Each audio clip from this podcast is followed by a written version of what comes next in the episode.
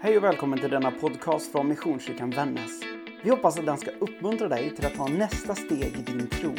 Om du vill ha mer koll på vad som händer hos oss, gå in och följ Missionskyrkan Vännäs på Facebook och Instagram eller kontakta oss via vår hemsida www.missionskyrkanvannas.se.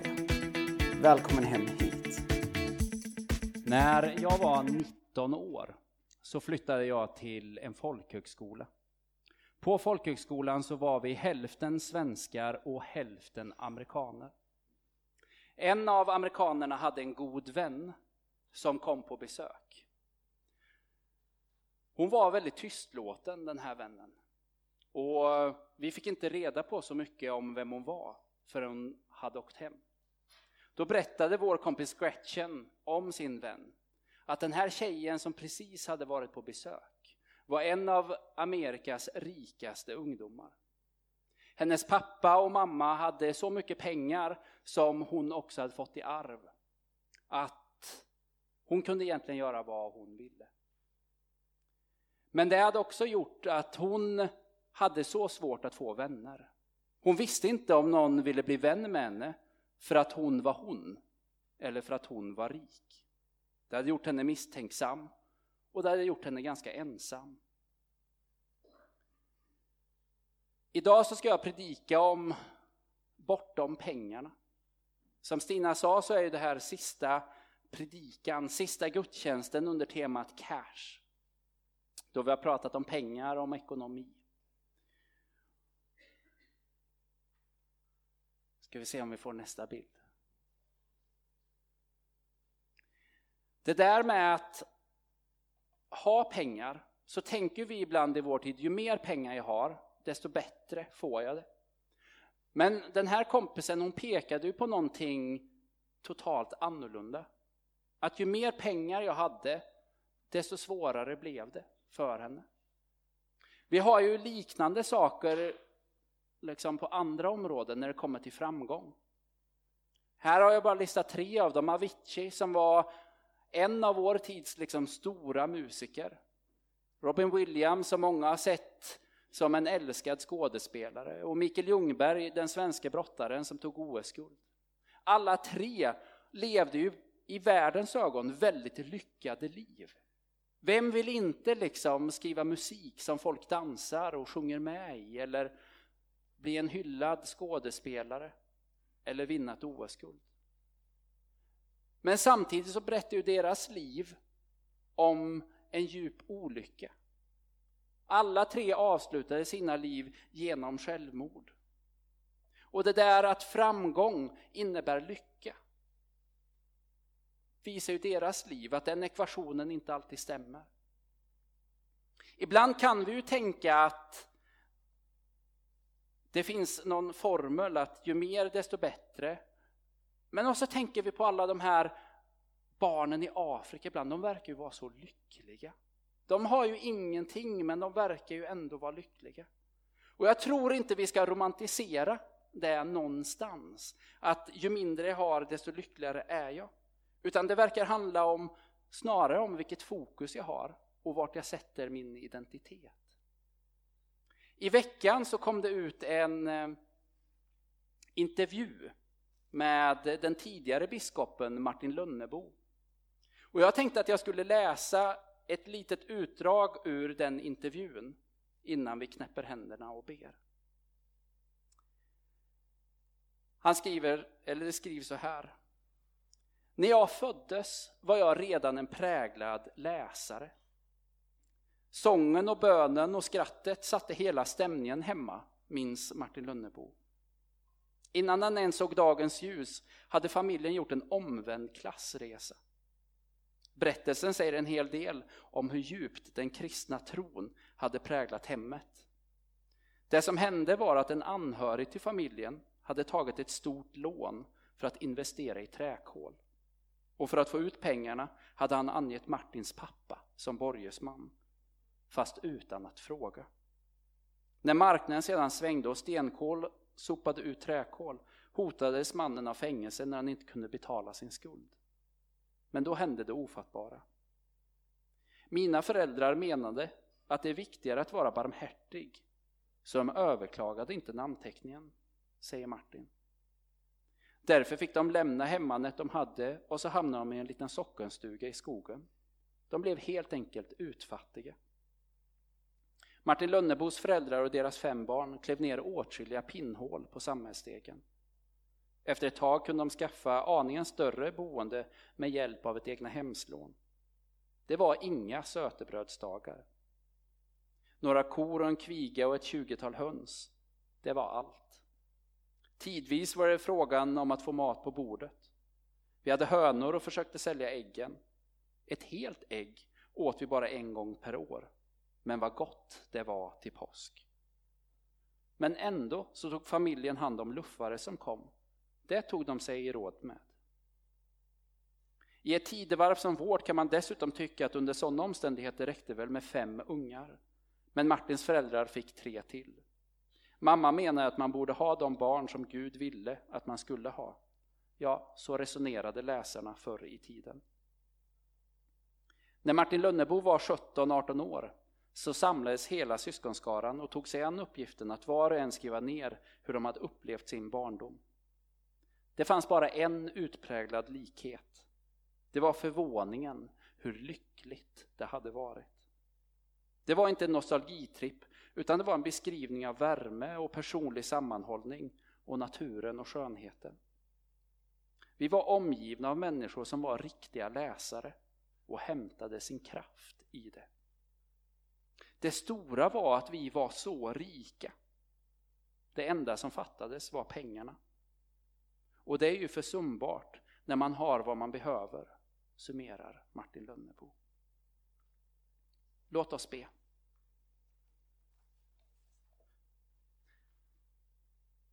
Tack Jesus att det verkar finnas en hemlighet i hur vi ska förhålla oss till pengar, materiella rikedomar och, och prylar. Herre, jag ber att vi ska få upptäcka mer av, av det mysteriet i våra egna liv. Påminn oss om att vi inte alltid behöver jaga efter mer. Men heller inte späka oss i att allt måste alltid vara mindre. Utan hjälp oss istället att hitta rätt fokus och rota vår identitet i någonting som är större än materiella tillgångar, pengar och vad den här världen har att ge. Amen.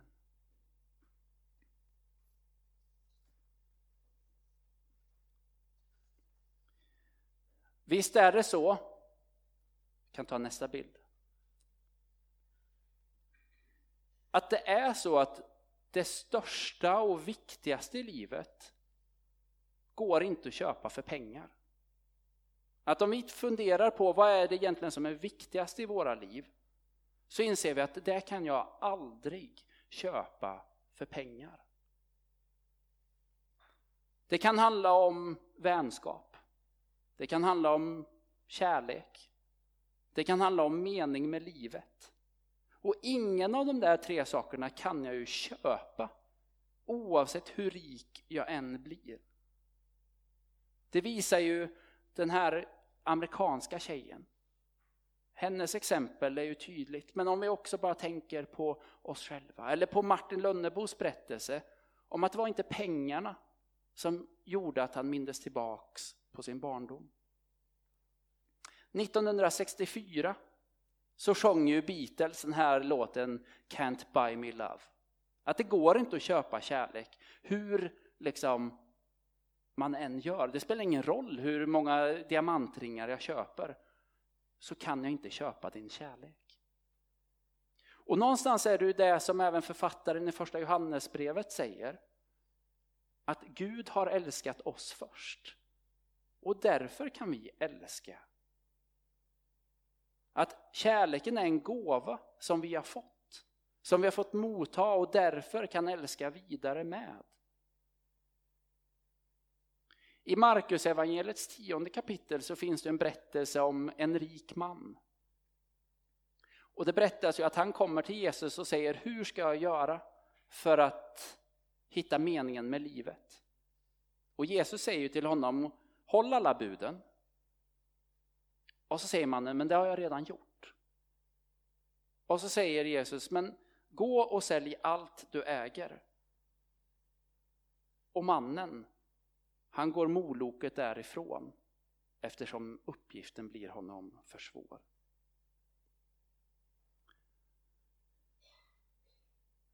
Att vinna eller att köpa ett evigt liv kan vi aldrig göra genom materiella ting. Ibland har vi ju sagt i vår tid lite skämtsamt att den som har flest saker när han dör vinner. Den där synen utmanas ju mer, mer och mer i vår tid av hållbarhet. Men vi kan ju ändå känna igen det där, att vi sätter sån trygghet i våra prylar, i våra saker och i våra materiella ting. Att bara jag får den så kommer mitt liv att bli bättre. Men Jesus han utmanar ju det och vänder upp och ner och säger att det eviga livet finns inte i de prylarna eller i den materiella lyckan. Utan det finns i relationen med honom. I Apostlagärningarnas åttonde kapitel så finns det en berättelse om en man som heter Simon. Simon bor i det området som tavlan utspelar sig i, i Samarien. Ett område som var känt för avgudadyrkan. Det berättas om att en av lärjungarna, han rör sig mot just det här området i Samarien. Där möter han på en man som heter Simon som arbetar som trollkar. Han tjänar ganska mycket pengar på sina trollkonster och folk fascineras över vilka konster han kan göra. Sen kommer han till tro. Och hans liv förändras. Men han tänker ju fortfarande att det här med trollkonst, det är ju min, det är min inkomst. Men så kommer några av apostlarna ner och så lägger de händerna och ber för människor som är sjuka och vill ha förbön. Och Simon och människorna runt om, de, de märker att någonting händer. Att Guds kraft verkar i människorna. Det där man inte riktigt kan förklara, men som man kan se. Och Simon berättas det, han vill ju också ha det här. Han vill ju också kunna använda det i sin profession. Och så säger han till lärjungarna, jag vill köpa det ni sysslar med. Kan ni inte ge mig det så jag kan betala. Och lärjungarna, de tillrättavisar honom och säger att det här går aldrig att köpa för pengar. Vi läser från kapitel 4, vers 18 till 20. När Simon såg att det var genom apostlarnas handpåläggning som anden förmedlades erbjöd han dem pengar och sade ge denna makt åt mig också så att den jag lägger mina händer på får helig ande. Men Petrus svarade förbannelse över dig och dina pengar om du tror att du kan köpa Guds gåva. Du har ingen rätt till det vi förkunnar, ty ditt hjärta är inte rättsinnigt inför Gud. Omvänd dig från denna din ondska och be till Herren, så kanske han förlåter dig ditt uppsåt.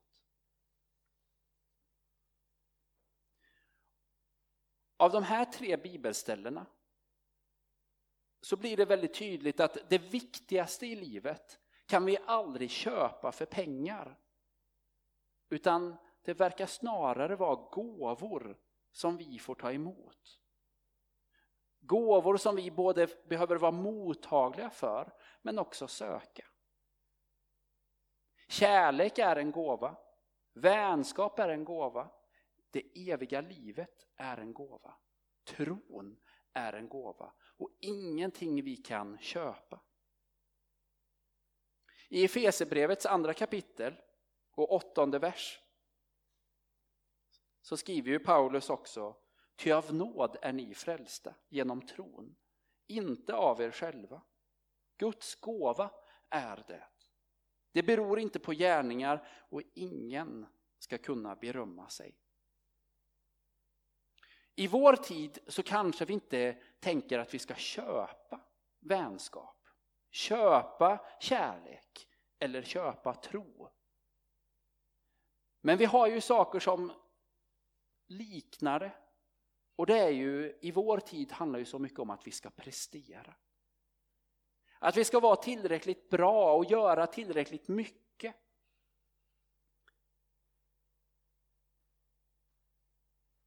Vi tenderar till att hamna i den här gärningsläran. Att jag är inte tillräckligt bra för att få vänner. Jag måste nog göra mer. Jag är inte tillräckligt bra för att hitta kärleken. Jag måste nog göra mer. Men det handlar ju också om i hur vi ser på våra relationer i vardagen. Jag tänker i min egen livssituation, så många som talar om kompensationssemester. Som handlar om att man jobbar så mycket under barnens uppväxtår att man måste kompensera med en utlandsresa eller en fjällsemester. Man ser dem inte på flera veckor för man jobbar så mycket. Och så kompenserar man genom att köpa något eller göra något. Jag tänker på hur det är i relationer där man tänker många gånger att det är quick fixes. Att jag går och köper ett par blommor eller köper en ring så är allting löst. Att vi hamnar i att det handlar om vad vi gör snarare än om vilka vi är. På ett sätt har de stora frågorna i livet ibland i vår tid gått så långt att vi har förlorat mysteriet kring vad det innebär. Vi försöker förklara kärlek. För ett par år sedan gick det ett tv-program på tvn som hette Kärlekskoden. Där man vetenskapligt skulle försöka matcha ihop män och kvinnor. Eftersom det fanns så mycket forskning på hur man blir kär. Slutsatsen av programmet var att det funkar inte. Kärlek är någonting större. Samma sak är det ju med vänskap och med det eviga livet och med tron. Den går inte att rationalisera fullt ut utan måste få vara ett mysterium som vi söker.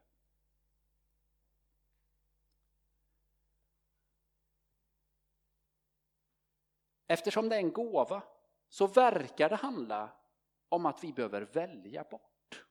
Att vi behöver skala av och fokusera. Det handlar helt enkelt inte om att vi ska ha mer och mer och mer. Utan ibland kanske bara stå där och ta emot. Men att också kill your darlings. Att till exempel säga att jag kan inte jobba så mycket som jag gör och samtidigt ha tid för min familj och mina barn. Utan jag behöver skala av, fokusera och faktiskt välja bort för att leva i kärlek, i vänskap och i relation. I veckan så släpptes det också en ny skiva av artisten Jonathan Johansson. Se om vi kan få upp den bilden. Jonathan är uppvuxen i, i frikyrkan. Men hade under många år en, eh, en paus. Jonathan släppte en skiva som har blivit väldigt uppmärksammad och i flera intervjuer så har han blivit intervjuad. Och i en intervju så stod det så här. Journalisten säger, du har börjat gå i kyrkan igen. Det känns lite som en trend att söka sig tillbaka till världsreligionerna efter en tid av en massa individualiserade sådana. Men Jonathan, vad är det du söker i kyrkan? Och så svarar han. Ja, det verkar på ytan vara en trend. Och trender ska man i regel akta sig för. De håller ju sällan. Jag började gå dit för att jag saknade det och för att jag ville försöka få in det i rytmen av mitt liv igen. Jag är ju uppvuxen där. Att få in det som en ritual istället för att spendera en söndag på NK som en slav till kapitalet. Eller att inte bara långsamt dö framför Netflix. Att vända sitt liv och sin blick och sin tanke åt något som faktiskt ifrågasätter ens livsstil och berättar om någonting större som kräver att vi ser på oss själva och andra som heliga. I grunden så vill jag till kyrkan för att lämna över mitt liv i händerna på den korsfästa guden. Den enda Gud som alltid blöder. Alltså på riktigt. Det Jonathan söker är någonting som världen inte kan erbjuda. Hur mycket pengar vi än har så är tron en gåva. Är livet en gåva? Och allt det vi egentligen kanske innerst inne söker så är det en gåva. Därför så behöver vi öva oss i att ta emot.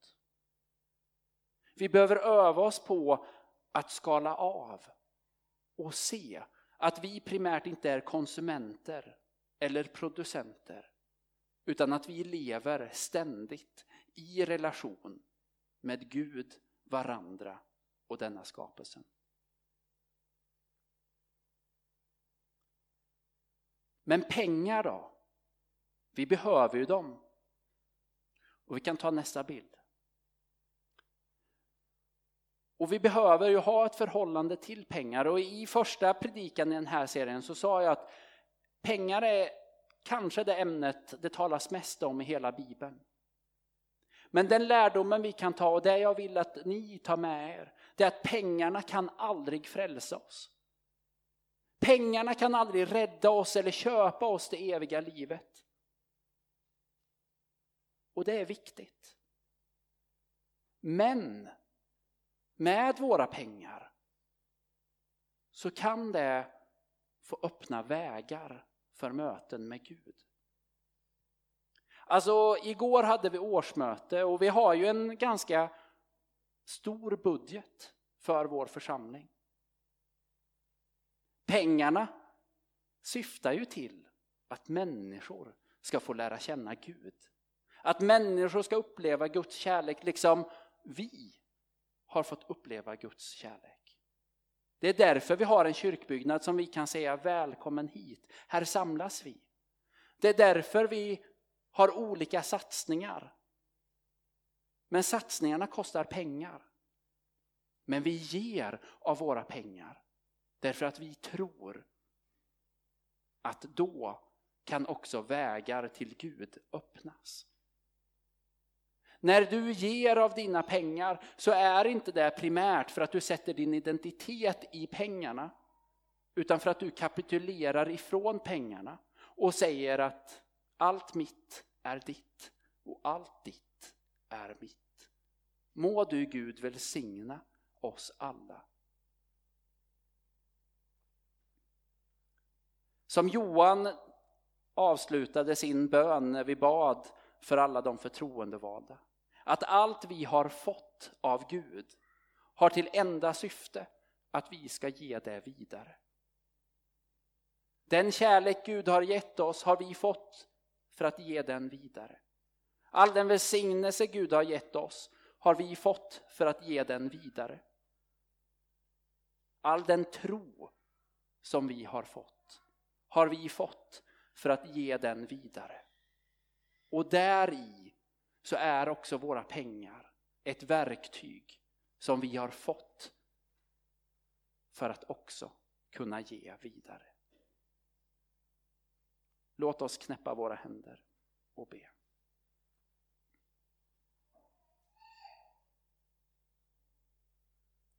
Tack Jesus att du har förberett någonting större för oss